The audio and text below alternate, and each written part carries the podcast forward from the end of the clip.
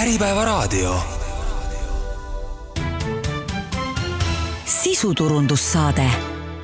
tervist ja tere kuulama sisuturunduse saadet, minu nimi on Hando Sinisalu ja täna me räägime sellisest äh, suurest äh, Eesti kontsernist nagu Infortar ja tema ehitusega seotud valdkonnast.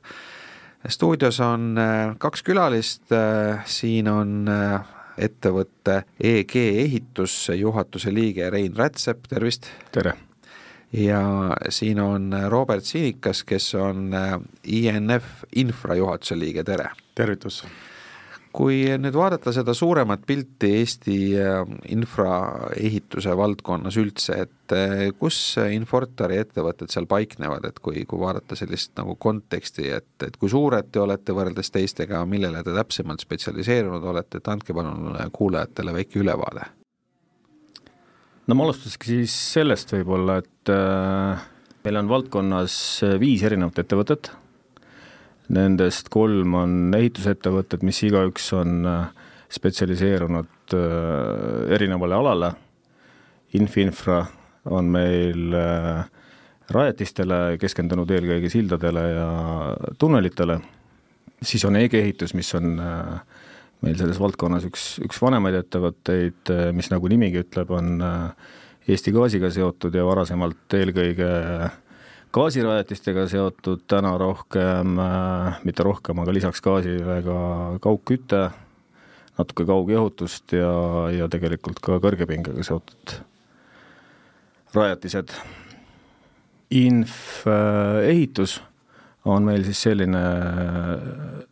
ettevõte, mis tegeleb üldehitusega, kus on siis äh, erinevad äh, hooned, äh, logistikakeskused, büroohooned ja nii edasi. ja lisaks nendele ehitusettevõtetele on meil veel kontsernis kaks ehitusmaterjalidega seotud ettevõtet, üks on EMG Karjäärid, mis on maavara, ehitusmaavarade kaevandamisega tegelev ja mis on üks, üks Eesti suuremaid,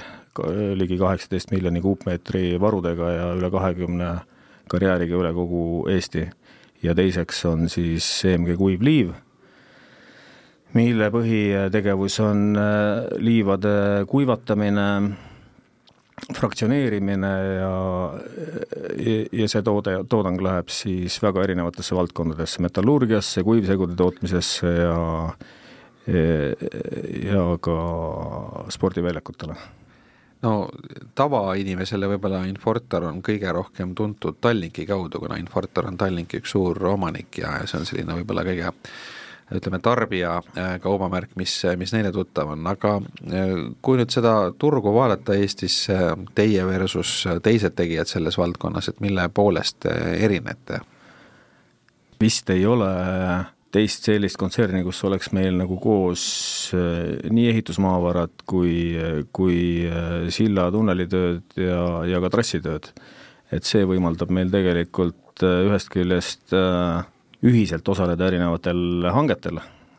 ja vist ei ole ka nagu mitte ühtegi suuremat objekti, kus me tegelikult seda nagu teinud ei ole, et, et kus meil nagu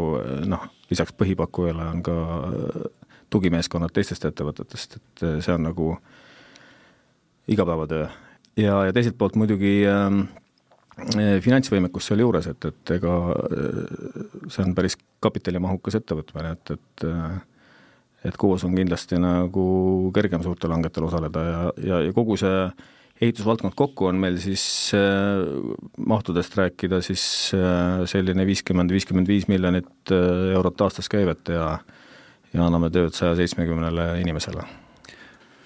võib-olla räägiks Infi-Infra lähenemisest, siis alati. Me oleme proovinud eh, teha asju uutmoodi, paremini, tuua erinevaid uusi tehnoloogiaid Eestisse, et eh, kui me võtame ehitusvaldkonna, siis tihtipeale areng toimub seal väga pika aja peale ja ütleme, et on harjutud tegema asju vanat viisi ja ütleme, et mis ma näen nagu oma tiimiga, mis me alati teeme, proovime leida alati siis mingise uue eh, lähenemise, uue tehnoloogia, kuidas siis eh, teha paremini, kiiremini ja pakkuda eh, lõpptarbijale siis paremat tulemust, on see siis silla või mingi see tee ehituse näol. No Tondi viadukti ehitus praegu käib ja, ja seal on teil päris omapärane või, või ütleme, seni mitte väga levinud lähenemine, et te nihutasite viadukti, et, et rääkige sellest, et kuidasmoodi see asi üldse käib, et see tundub jällegi sellisele tavakuulajale pisut selline ulme, et kuidas on võimalik viadukti nihutada, miks teda üldse peaks nihutama? alustakski võib-olla selle, et mik-, miks seda üldse ehitati raudtee kõrval, põhjus on see, et raudteeliiklust ei saa pikaks ajaks kinni panna, et kui me võtame äh, Tondile, et kui me ehitaks seda vedukti äh, tema lõplikus asukohas, siis selle ehitus võtaks aega kolm kuud ja kolm kuud siis praktiliselt raudteeliiklus oleks kinni ja rongid ei sõidaks, et et seda minimeerida, et raudteeliiklus saaks toimida, selleks siis ehitati vedukti kehandid raudtee kõrval valmis ja siis Infinfra ülesanne siis oligi viaduktide siis paika tungimine. Ja me kasutasime selleks spetsiaalselt siis projekteeritud ja toodetud tungimissüsteemi, mis koosneb kahte tüüpi tungraudadest ja siis üks rööbastest reltsidest, mille, mis on kaetud teflonpatjadega ja mida mööda siis seda vedukti äh, saab nihutada, et seda, seda tehnoloogiat siis maailmas äh, võib-olla inglise keeles seda nimetatakse natuke parem, on skidding ehk siis äh, nihutamine ja, ja selle võib-olla kõige parema ülevaate kuulaja võib-olla saaks, kui äh, meil on ka oma Infi-Infra Youtube'i kanalis on sellest tehtud video, kus on väga hästi näha, kuidas see asi siis päriselt toimiks, et kuna see on tehniline, siis ma proovin seda hästi lihtsalt siin kuulajale seletada. kui me näiteks räägime viadukti paika nihutamisest, siis hästi oluline on see, et me selle lükkamisjõud, et seda minimeerida, siis meil ongi, kasutame teflonit äh, rööbastel, võib-olla toon lihtsalt niisuguse hea nagu näite, niisuguse, et kui me paneme näiteks sada tonni kaaluva konstruktsiooni äh, teflonile, siis selle liigutamiseks on kuskil vaja jõudu neli tonni. ja noh, kui ma toon nüüd paralleelse näite kõrvale, et kui me paneme sellesama konstruktsiooni nüüd äh, puitalusele ja seda, äh, tahame seda horisontaalselt äh, nihu-, nihutada, lükata, siis äh, on meil juba vaja kahtekümmet tonni jõudu ja ütleme, see on ka põhjus, miks me tegelikult, et saada, et seda horisontaalset jõudu, et me peaks, et läheks vähem seda horisontaalset jõudu vaja, siis me kasutamegi teflonit. ja ütleme, antud, kui me võtame tondi, siis objekt, siis üks viadukti kehand et see kaalus viissada tonni. Ja me nihutasime, noh, ütleme, et see kogupikkus viaduktil oli viiskümmend meetrit ja ütleme, et see, et ja me nihutasime seda äh, paika, siis selle ütleme, et üldse, kui me võtame Eesti eelnevat nagu, eelnevalt pole nii suurt äh,, nii pikka ja nii rasket äh, viadukti selliselt paika nihutatud. Ja ütleme, et mis see mis on võib-olla oluline, et niisuguse sarnase tehnoloogia kasutamine ongi, et kui me noh, ütleme, et tehnoloogia siis eelis näiteks, et miks me seda näiteks ei teinud kraanaga, siis näiteks kui võtame Tondil, siis Tondi eh, raudteel on kohal, on kontaktliin ja tihtipeale kraanaga, et tõsta mingine konstruktsioon paika, on sul vaja ruumi eh, ka, ka selle, selle konstruktsiooni enda kohal ja seal sai ka määravaks noh, ütleme, et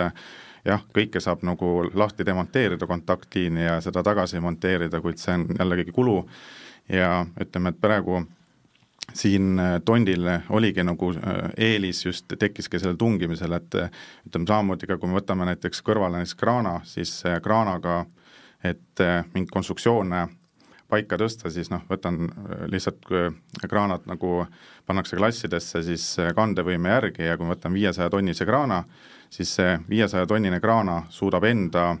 külje pealt tõsta viitesadat tonni, aga kui on vaja seda tõsta kaugemale, näiteks kahekümne meetri kaugusele, siis sellest äh, kandevõimest äh, jääb järgi seal kuuskümmend, seitsekümmend tonni ja noh, ütleme, et seal ongi see, äh, mis meie nagu selle tungimissüsteemi eelis on see, et me suudame väga raskeid, et kui konstruktsioonid lähevad seal juba sadadesse tonnidesse, siis meie tehnoloogia on oluliselt nagu äh, Äh, ökonoomsem, ta on ohutum, ta on ütleme, et suur eelis tekib just selle, meie selle tungimissüsteemi kasutamisel. No kui, kui see oli Eestis esmakordne, ma saan aru, nii mastaapne projekt, et kui, suur, ma kujutan ette, et, et, et, et teil võis olla päris kõrge endal selline soorituspinge ka, et, et kuidas see ikka õnnestub ja, ja kas see läheb korda, et kust, kust te seda nagu saate õppida, kui te esimest korda Eestis seda teete, et kas te käisite kusagil mujal seda enne õppimas või, või, või kui kindel üldse saab olla, et see kõik ka õnnestub ja, ja täpselt plaani järgi läheb? jah, et äh, see oli meie esimene töö ja eks ikka, kui uutmoodi asju teed, siis alati on see äh, pinge peal, et see, kas see ikkagist õnnestub, noh, ütleme, et me ikkagist ise tegelikult äh, tegime suvel ennem seda me tegime tegelikult test, tõstmist mitte nüüd nii suure koormusega, on tegelikult kogu selle süsteemi testi me tegime, tegime ennem läbi, praktiseerisime ja ütleme, et kuni kuni lõppteostuseni kogu aeg oli niisugune väike närv sees, aga noh, ütleme, et praegu me saime seda väga, selle väga täpselt paika ja ütleme, et oleme tulemusega rahul, et ütleme, et niisugune esimese tõste sooritus oli äh, väga hea ja jäime sellega rahule, et ütleme, et muidugi meil alati, kui sa midagi teed, et meil ka tiimiga on plaan nagu maha istuda, kõik need, et teha seda analüüsi, et me alati teeme oma tiimiga, kui me ehitame midagi või ka kasutame mingit uut tehnoloogiat, et eh, teeme niisuguse tagantjärgi analüüsi, et, et mida saab veel paremini, mida me saame, noh, et kuna see töö oli ka, et eh, noh, videos käib see kahe minutiga kaks vedukti nihutatakse paika, et tegelikult see nihutamine ise oli kaks ööpäeva, et seal noh, ütleme, et nihu-, mitte nihutamine ise, aga seal on vaja teha ka niisugused eeltööd, ettevalmistustööd kõik.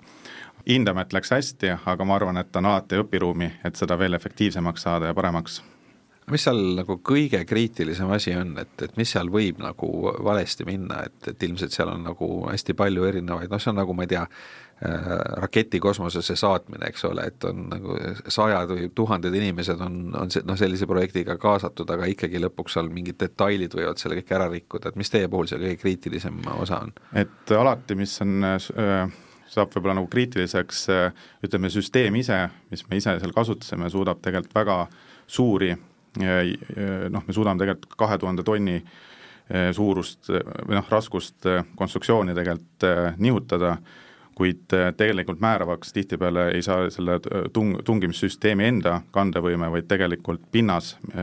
kuhu peale me siis oma selle relsid ehitame ja alati tuleb teha nagu kontrolle sellega, et samamoodi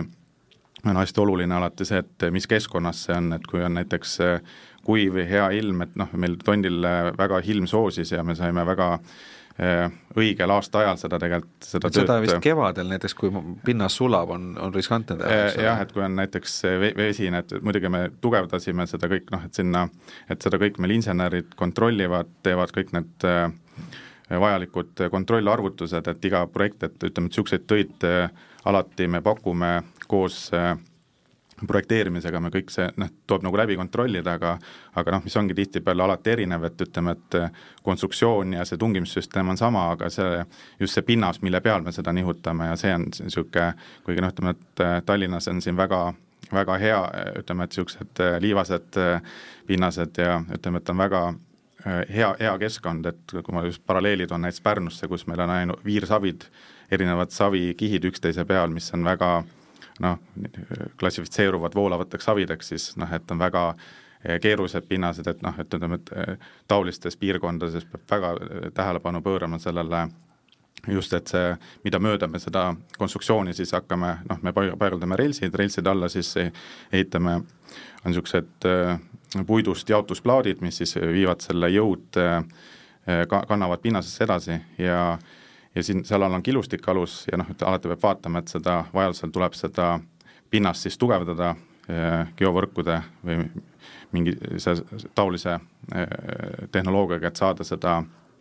et kindla peale minna, et alati me need kontrollid teeme. aga kui, kui palju Eestis selliseid tondiviadukti-suguseid töid nagu noh, nii-öelda igapäevaselt ju ette ei tule, et et, et kuidas üldse nagu noh, nii, nii väiksel turul nagu Eesti on, on võimalik enda sellist äh, kompetentsid nagu värskena, teravana hoida, kus, kus ei ole nagu pidevalt võimalik harjutada või, või, või kas te saate seda kogemust nüüd kuhugile mujale edasi veel kanda ja pakkuda seda teenust äh, väljaspool Eestit ka? ma tooks ühe näite, et, et, et ma arvan, et see silla tungimine on, on,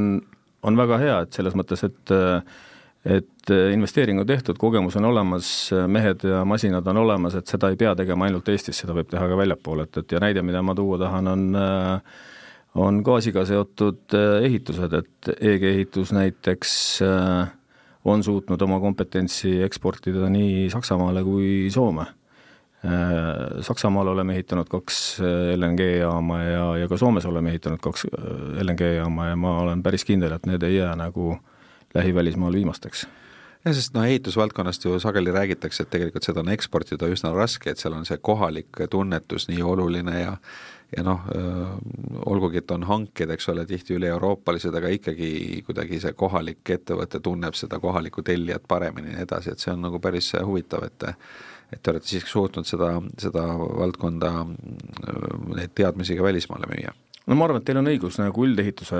vaatest ja, ja suuremate hangete vaatest, aga niisugused väga spetsiifilised tööd, millega noh, mida nii palju ei tehta, eks ole, et neid, neid on võimalik kindlasti jah, eksportida. Äh, võib-olla just konkurentsist, et ütleme, et niisugust äh, noh, kui me räägime ka selle tungimistöödest, siis see on väga spetsiifiline töö ja ütleme, et äh, meil endalgi on plaan seda äh, Äh, ka Eestist välja seda teenust pakkuda, et see on niisugune väga eriline töö, mida ka väljaspool Eestit ei tehta väga palju, et äh, et oleme siin äh, tungimiseks kasutanud Itaalia ettevõtteid, ütleme, et väga kaugelt ostnud seda inseneeriat sisse, et nüüd meil on endal võimalus siin Baltikumi ja Skandinaavia regioonis siin enda teenust müüa no üks äh, huvitav projekt on praegu käsil ka, ka Pärnus, te juba enne mainisite ära, et Pärnus on äh, keerulisem äh, seda tööd teha tänu pinnasele, et Pärnu sild ja ilmselt on ka jõe ääres, eks ole, tunduvalt keerulisem pinnas just tänu sellele savi komponendile, mis te mainisite, aga ilmselt on seal ka tunduvalt niiskem ja pehmem see, et et mis, mis seal Pärnus praegu toimub? Pärnus me just äh, lõpetasime vaiatööd, äh, rajasime viiskümmend kolm äh, vaia sillasammaste jaoks. Ja ütleme, et kui ma nüüd pinnastest natuke räägin, et väga huvitav niisugune algus oli, kui me hakkasime vaiu puurima, et me sa-, sattusime, esimene vai sattus meil täpselt rändrahnule ja ja meil oligi, ütleme, et Eesti tavapäraste puurotsikutega, mida me siin Eestis kasutame, et äh, nendega meil ei olnud võimalik läbi minna, et me seal äh, äh, käiasime seal kolm-neli tundi, aga saime seal ainult mõned sentimeetrid sinna rändrahnu sisse, et siis me tõime Euroopa teisest otsast spetsiaalse puurotsiku, millega me siis saime sellest rändrahnust läbi, otsikut me rentisime ja vahepeal oligi see, et noh, et et noh, uuesti ikka pihta ei saa, et noh, et mis me siis ikka nagu hakkame noh, et saadame tagasi, mis me seda renti siin äh, maksame ja aga sisetunne ja kogemus lihtsalt oli see, et mõtlesime, et las ta seisab seal kaski meil platsi peal ja ja viimane, viimase vaia puurimisega saime uuele rändrahnule pihta ja läks selles mõttes õnnelikult, et meil see otsik oli siin, saime kohe sellest äh, rändrahnust äh, läbi puuritud, et selles mõttes, et ja miks on noh, tihtipeale, kui me vaiu rajame äh, sildadele, siis äh, on hästi oluline on see nende vaiade asukoht, et kui me räägime Pärnu sillast, siis tegemist on tegelikult äh, väga keeruka nagu äh, sillaga ja ütleme, et kui me võtame äh, Pärnu äh, silla äh, pikim ava on sada nelikümmend meetrit ja kui me võtame üldse nagu silla ehituse või sil-, kõik selle projekteerimise ja et äh, sildade juures on oluline see silla kogupikkus, et noh, sild võib olla seal mitu kilomeetrit ka, aga see konstruktsioon võib hästi primitiivne olla. aga noh, Pärnu puhul on see, mida üldse nagu, mida nagu inseneeria mõttes, mis on väljakutse, on tegelikult just see avapikkus ja ütleme, et kui praegused võtame Eesti pikimad avad on eh, Rannu-Jõesuu, on üheksakümmend meetrit, see on Viljandi lähedal, niisugune punane kaarsild on võib-olla kindlasti Eestimaal sõites silma jäänud ja Tartus, Tartu vangla kõrval on Ihaste sild üheksakümmend meetrit, et et Pärnusse nüüd tuleb äh, poolteist äh, korda suurem ava ja ja ütleme, et niisuguselt tavalt tulevad need koormused on väga suured ja mis me endal näiteks selle kaarsilla enda all olevad sambad, et kui noh, tavapäraselt on vaiadel on hälbed, on niisugune noh, rusikareegel on üks kümnendiku vaia läbimöödust, et noh, kui meil on vaie, on üks koma kaks meetrit läbimõõt, siis on, on meil hälve kaksteist sentimeetrit, kus me saada-, noh, kus see vai võib olla siis nagu asuda nagu teises kohas, et aga kuna meil on hästi konstruktsiooni, me oleme ise nagu kehtestanud endale eh, ehitusel oluliselt piiranud neid hälbeid oluliselt rohkem, et me ise tegelikult, meie see täpsus on seal viis sentimeetrit ja noh, seal ongi see, et noh, vahepeal, kui sa satud kuskile rändrahnule, siis puuritakse kõrvale vai, ehitatakse see sammas nagu ümber, aga meil seda äh, varianti ei olnud ja noh, vahepeal me ka siin kaalusime, kui me selle esimese, ja me saimegi just see vai asus selle Kaarsilla äh, jõe samba all ja kõige nagu, kõige noh, tsentris, kus ta äh, noh, ütleme, oleks kuskil mujal olnud, et võib-olla oleks saanud sinna kõrvale puurida, aga see oli vai, mida me pidime kindlasti meil oligi niisugune pikad arutelud käisid projekteerijatega, et sealt peab läbi minema ja noh, selle tükk aega me otsisime tegelikult lahendust, et me tegelikult puurisime kõrvalvaiu edasi, aga ikkagist leidsime selle, saime abi ja leidsi-, lahendasime asja ära. aga kas, kas sellist asja nagu mingisuguse, ma ei tea, ultraheli või mingisuguste muude diagnostikaseadmetega ei ole võimalik enne teada saada, et mis seal maa sees sind ees ootab? Igasugused empiirilised ja ütleme, maaradarid on olemas, aga noh, ütleme, et niisugust äh, geoloogia on selles mõttes hästi huvitav, et sul noh, meil on ka uuringud olid tehtud, kõik on nagu, et noh, antud kihis, kus meil see vastu tuli, tegelikult ei tohiks, tohiks olla eh, nii, nii suurt äh, rahnu ees, aga noh, ütleme geoloogia on alati e-, ettearvamatu niisugune ja noh, silla siis ehitus üldse, mis ta nagu üldse hästi eriline võib-olla on ka see, et me tegelikult plaanime seda silda noh, kui traditsiooniliselt ehitatakse silda oma lõplikus asukohas, siis Pärnus me tegelikult Kaarsilla osa me plaanime ehitada maa peal ja selle maa pealt äh, kui me selle Kaarsilla kokku saame monteerida, siis me toome siia spetsiaalse niisuguse eritehnika, millega me siis viime selle mööda pealesõidusilda, viime selle Kaarsilla konstruktsiooni jõe keskele, võtame pontoonidega selle üle ja me viime selle äh, silla siis lõplikku asukohta ja ütleme, et ja siis lõpus me tungime ta lõplikule tugiosadele ja miks ta noh, võib-olla eriline on see, et kui me siin tondil rääkisime viiesajast tonnist, siis meil kaalub see tuhat kakssada tonni, et, et tegemist siis tuleb läbi aegade Baltikumi ühe suurema ja keerukama äh, sillamontaažiga. räägime sildadest ja räägime viaduktidest ja muude selliste hästi keeruliste infrastruktuuriobjektide ehitusest, rääkisime sellest, et äh, oli vaja puurida spetsiaalpuuriga vaiade paigaldamiseks äh,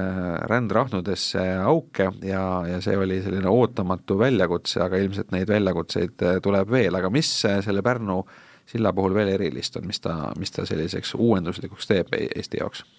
ma arvan, et selle silla enda tüüp, et mis on ka, kui me seda hankel osalesime, me tahtsime, et oleks niisugune, sild näeks välja niisugune hästi noh, insenerina, kui sa alati vaatad, niisuguseid sildu on hästi oluline, et oleks niisugune hästi õhuline, hästi sale ja ütleme, et niisugust äh, leidsime nagu sillatüübi, mis siis nagu näebki niisugune elegantne välja ja ütleme, et niisugust seda sarnast äh, silla tüüpi, seda noh, inglise keeles on network arch, on, nimetatakse seda silla tüüpi, siis noh, ütleme eesti keeles on ta võrkkaarsild, et noh, ütleme antud silda on arendanud äh, norrakad väga palju ja ütleme, et natuke kaugemal jaapanlased, kes on seda silla tüüpi hästi palju äh, maailmas arendanud ja ütleme, et ka meie idee saime, on niisugune norrakas nagu Bert Veit on ta nimi, kes on väga kõva, kes siis on nagu seda äh, arendustööd nendel äh, võrkkaarsildadel on teinud ja ütleme, et äh, see sild ise on hästi nagu sale, aga noh, kui miks, kui ma tulen nüüd nagu Pärnu äh, juurde, siis selle niisuguse väga saleda konstruktsiooni ehitamine on päris keerukas tegevus ja ütleme, et kui me räägime sellest näiteks silla montaaž, et et kui me Pärnus järgmine suvi teostame seda ütleme, Baltikumi suurimat niisugust äh, tõstet, et äh, et juba praegu me oleme selleks juba tööd teinud siin äh, mitmeid kuid ja, ja ütleme, et ka veel mitu kuud on meil tööd teha, et kõik nagu detailid ja kõik asjad nagu arvesse võtta, et, et niisugust konstruktsiooni, mis on sada nelikümmend meetrit pikk ja kakskümmend kaks meetrit lai ja kakskümmend kaks meetrit kõrge, et niisugust asja siis hakata transportima mulde peal, siis noh, saabki määravaks, saab selle pinnas, mida mööda sa tuled muldkeha ja ütleme, et niisugust, kuna me kasutame sellel montaažil ja transpordil erinevaid mehhanisme, siis need, sellele, need mõjuvad konstruktsioonile, tekitavad teistsuguseid sisejõude noh, mis siis nagu tegelikult lõplikust asukohast, kui sa ehitaksid noh, et et transpordi ajal, kui sa toetad kuskil silda keskelt, siis sa pead seda silda tugevdama. Ja noh, mis ongi näiteks, kuna sild on nii raske, siis me praktiliselt paneme sinna transpordi ajaks paneme sinna sada tonni terast lihtsalt tugevdusi, et see, et hoida selle silla enda geomeetriat, et see on niisugune noh, kui võtame niisugused väiksemad äh, Eesti niisugused eh, sillad, siis tihtipeale see lõplik konstruktsioon tõstetaksegi sulle paika ja seal ei ole väga palju nagu tugevdusi, siis eh, antud puhul on meil insenerid näevad väga suurt vaeva ja kõik, et et mõelda välja see ehituskava, et ütleme, et eh, mis on hästi oluline niisuguste suurte sildade ehitamise jooksul, et me tegelikult kõik etapid, me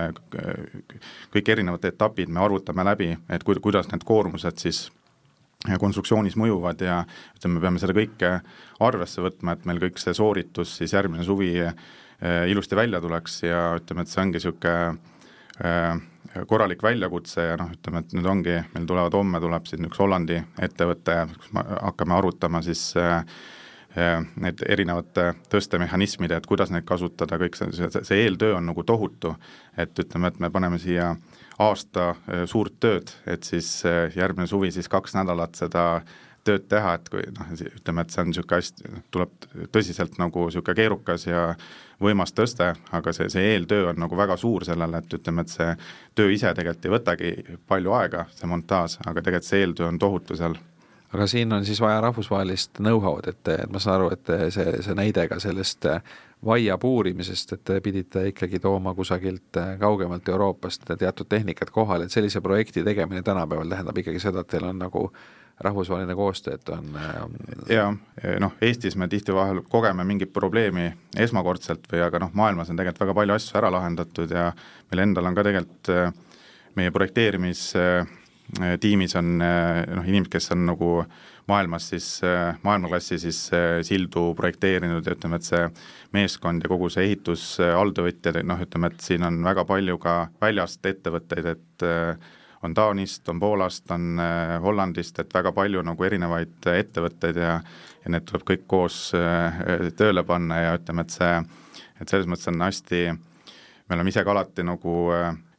kaasanud neid välisettevõtteid, kellel on just see kogemus, et noh, ütleme, et niisugust keerukat tõstet, kus sa paned tuhande kahesaja tonnise eh, si-, silla siis eh, pontoonidele, et siis noh, et see, see ei ole nüüd töö, mida nagu esmakordselt lähed tegema, et niisuguse töö tegemiseks tuleb võtta appi inimesed, kes seda igapäevaselt teevad ja ütleme, et see, siin ei saa nagu riskida mingite asjadega ja noh, ütleme, et maailmas on väga niisugused äh, ettevõtted, kes ongi oma kindlale äh, äh, erialale nagu keskendunud ja ütleme, et noh, Pärnu sild on ka, kus on väga väga palju rahvusvahelist äh, seltskonda on koos, kellega me seda kõike teeme. Mis, mis tehnikat seal veel vaja läheb, ma kujutan ette, et pargaseid ja võib-olla helikoptereid isegi või kuidas see käib? helikoptereid mitte, aga, aga jah, ütleme pontoone, et me toome niisugused kaks suurt pontooni kohale, mille peale me siis ehitame niisuguse spetsiaalse tungimistorni, et eh, ja ütleme, et seda tuhande kahesaja tonnist eh, silda siis üle jõe liigutada, siis me paneme selleks ajaks ka kogu jõe liikluse kinni, et seal keegi samal ajal ei saa nagu sõita. Ja ütleme, et see on hästi niisugune spetsiifiline tehnika, et seda niisugust äh, tehnika, mida kuskil meie tava Eestis ei olegi olemas, et see on nagu niisugune, niisugune tehnika maailmas tegelikult ringleb äh, ringi, kus siis noh, ütleme taolisi sildu ei ehitata kuskil niimoodi eh, kuidas ma ütlen siis nagu iga aasta, et noh, sarnased partnerettevõtted, kes meil on, nemad reisivadki maailmas ringi, teevad neid tõsteid, kuna, kuna niisuguseid äh, sildu ehitatakse harva ja noh, samamoodi ma arvan ka peale meie seda sillaehitust, et noh, muidugi Rail Balticuga tuleb ka palju nagu sildu juurde, aga niisugused ma arvan, nii suure avaga silda ei ehitata niipea aga see eeldab vist ülitäpset planeerimist, ma kujutan ette, et kui teil on ka vaja täpselt äh, kokku leppida ka nende välismaa partneritega, millal nad oma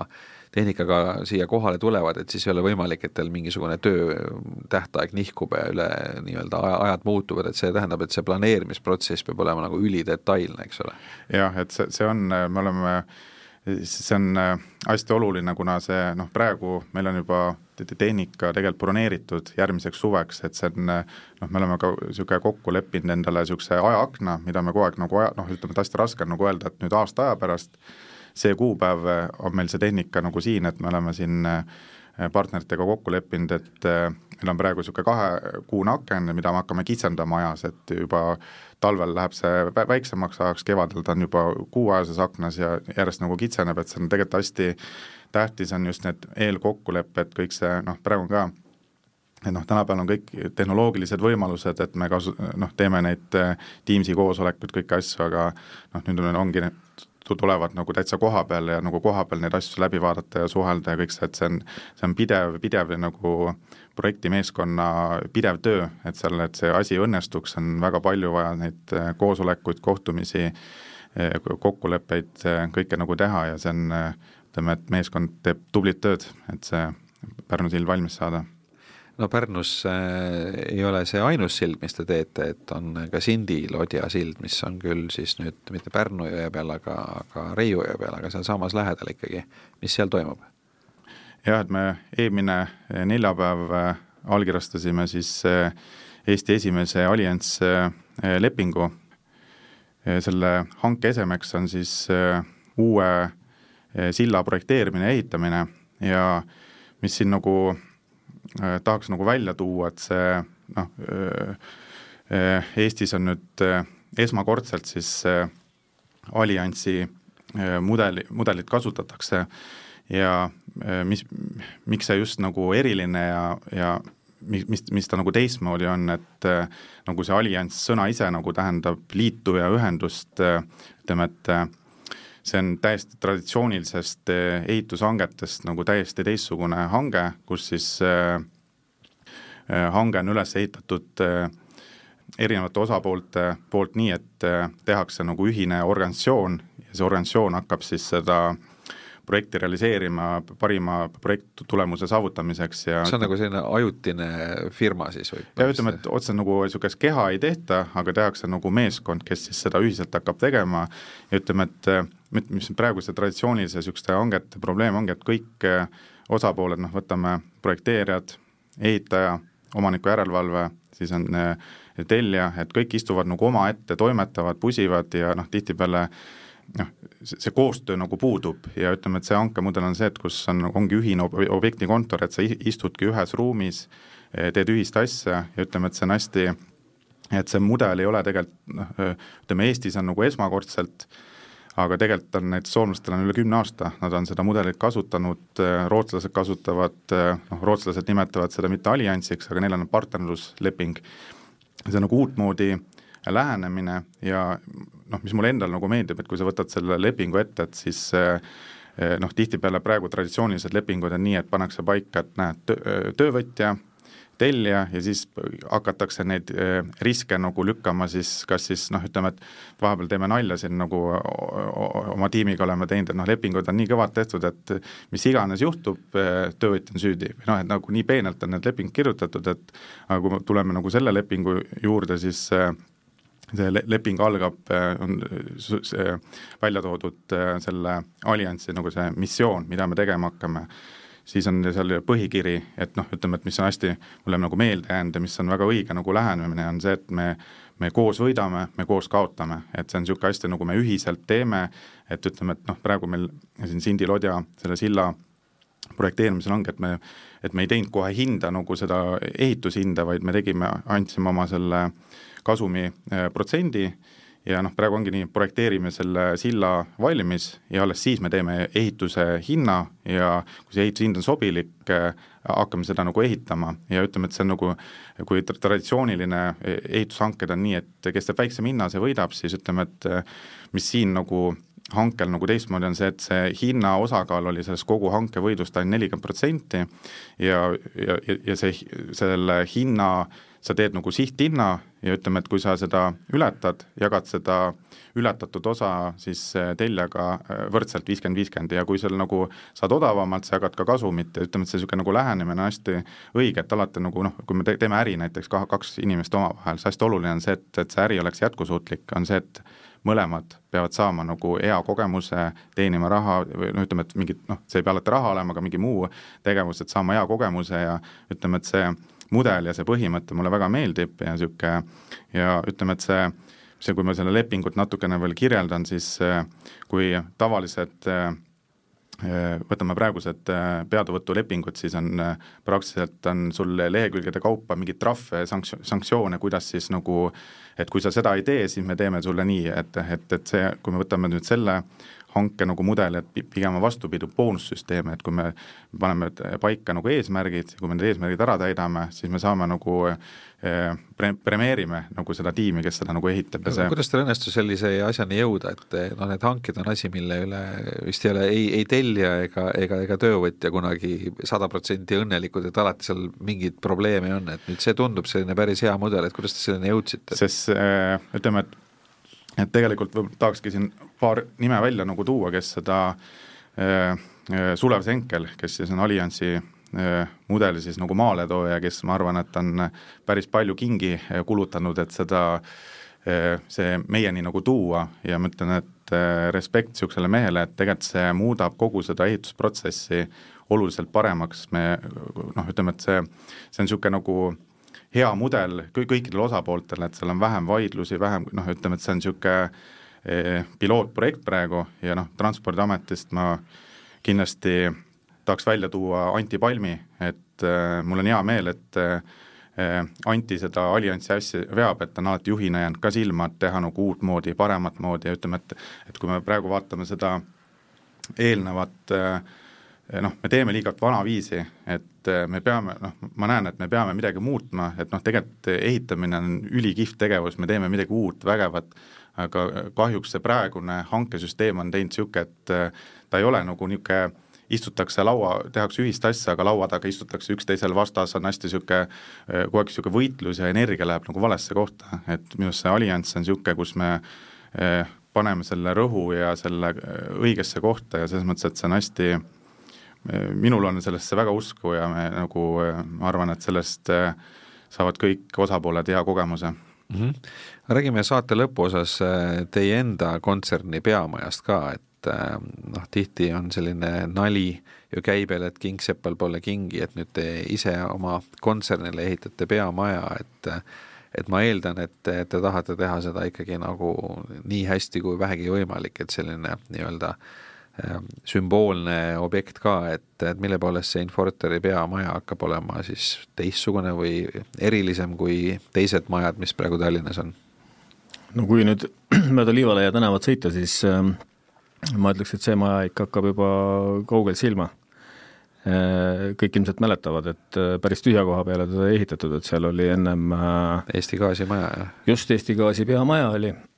mis tegelikult võeti äh, nulli maha ja materjal läks äh, uuesti, äh, mineraalne materjal läks uuesti ringlusesse.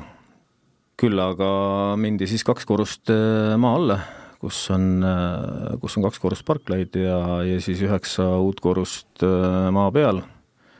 värskelt on saadud ka kasutusluba ja, ja tänane Infortari pressikonverents õnnestus juba siis sealt üheksandalt korruselt nagu läbi viia, et ähm, igati, igati moodne, tervislik ja, ja, ja mugav hoone mm. -hmm. mis, mis teil veel, te teete väiksemaid asju ka, et, et ma siin loen sellist uudist, et te ehitate loomaaiast tiigrile maja, et see nüüd võrreldes nende sildadega on nüüd oluliselt võib-olla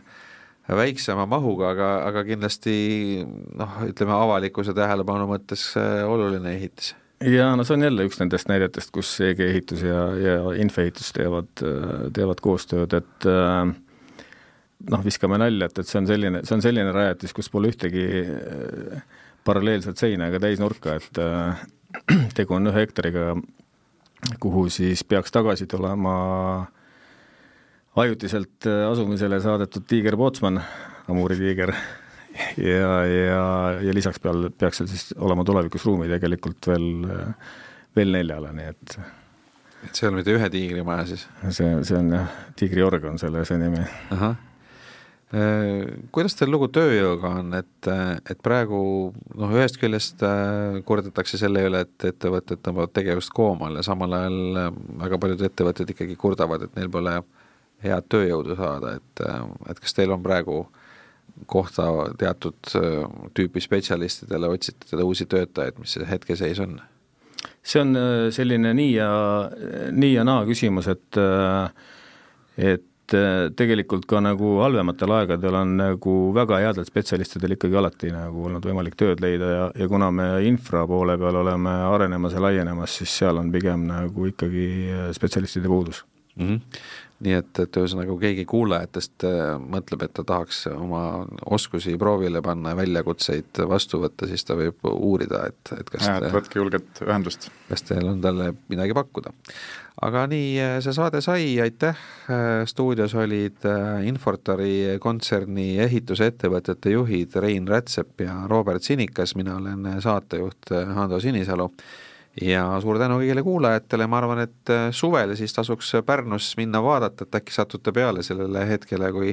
seda silda hakatakse pea,